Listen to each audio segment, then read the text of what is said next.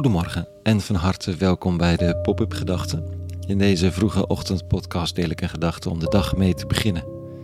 Een moment van reflectie op basis van een van de lezingen van de dag uit de oude teksten van Christendom. Vandaag met de titel Wacht op elkaar. Pop-up Gedachten maandag 12 september 2022.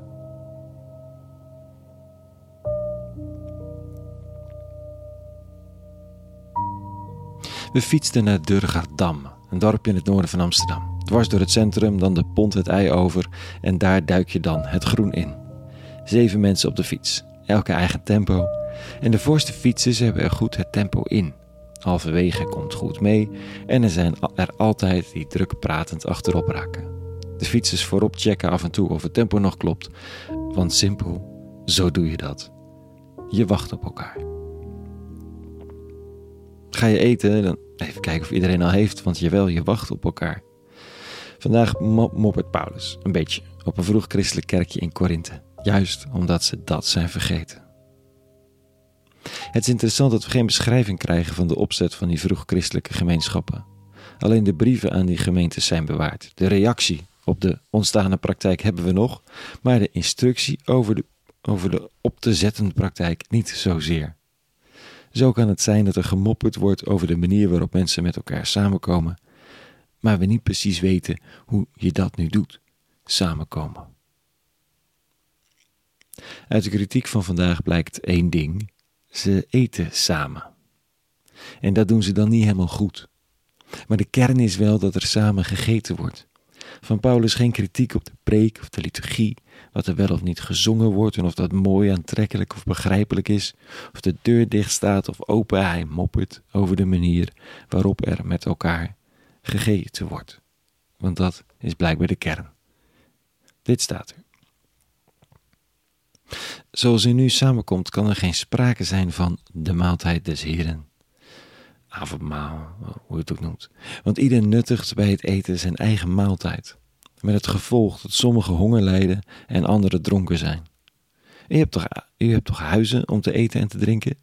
Of minacht u de gemeente Gods en wilt u hen die niets hebben beschaamd maken? Wat moet ik hierop zeggen? Kan ik u prijzen? Nou, op dit punt zeker niet. Ik heb me al vaker verwonderd hoe we het voor elkaar gekregen hebben om deze praktijk zo om te bouwen dat het absoluut onmogelijk geworden is om dronken te worden van wat er tijdens de dienst geschonken wordt.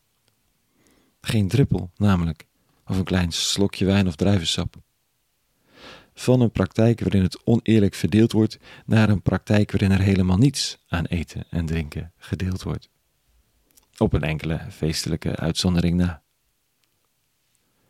Of hebben we de kritiek van Paulus op de oneerlijke verdeling zo serieus genomen dat we het hele samen eten maar in huis zijn gaan doen? Oh, en een dominee geïnstalleerd hebben om te praten, een gemeente om te zingen en te bidden en that's it. Voor in elke kerk staat zo'n beetje een tafel of iets wat op een tafel lijkt. Een laatste verwijzing naar dat wat ooit de kern was geweest. Namelijk samen eten. En dan bring your own van mensen die eten en leven met elkaar delen. Waarom is dat belangrijk? Ik bedoel, heel wat lezers en luisteraars hier zullen helemaal niet naar een kerk gaan. En wat kun je er dan mee? Het idee van die vroege gemeenschap is niet dat de mensen die naar die kerk komen het dan goed hebben met elkaar en that's it. Het is heel wat ambitieuzer. Het idee is dat die gemeenschap iets van een nieuwe wereld vertegenwoordigt dat hier alvast een voorschot genomen wordt, elke zondag, op de manier waarop je hoopt dat de wereld zich naar elkaar toe gedraagt. Dat we niet bij elkaar harken wat we nodig hebben voor onszelf, om dat vervolgens enkel aan onze eigen tafels te verorberen. Dat wat plaatsvindt in het vroeg-christelijke kerkje in Korinthe is natuurlijk waar het wereldwijd aan schort, zeker op plekken waar mensen het relatief goed hebben. Je eet en drinkt wat je zelf hebt meegebracht. En, op, en de een eindigt de dag vol en dronken, de ander met honger en dorst. En dat is niet de manier waarop de wereld bedoeld is. Die zondagse maaltijd is maar een oefening voor het echte werk. Paulus eindigt dit stukje met een simpele oproep: Wat je ook doet, wanneer u samenkomt voor de maaltijd, wacht op elkaar. Zo simpel. Wacht op elkaar. In je huis, in je buurt, tussen vrienden, op het werk. Wereldwijd. Wacht op elkaar. En deel.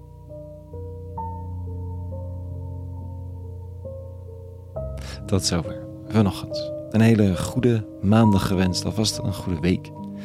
En voor vandaag vrede en alle goeds.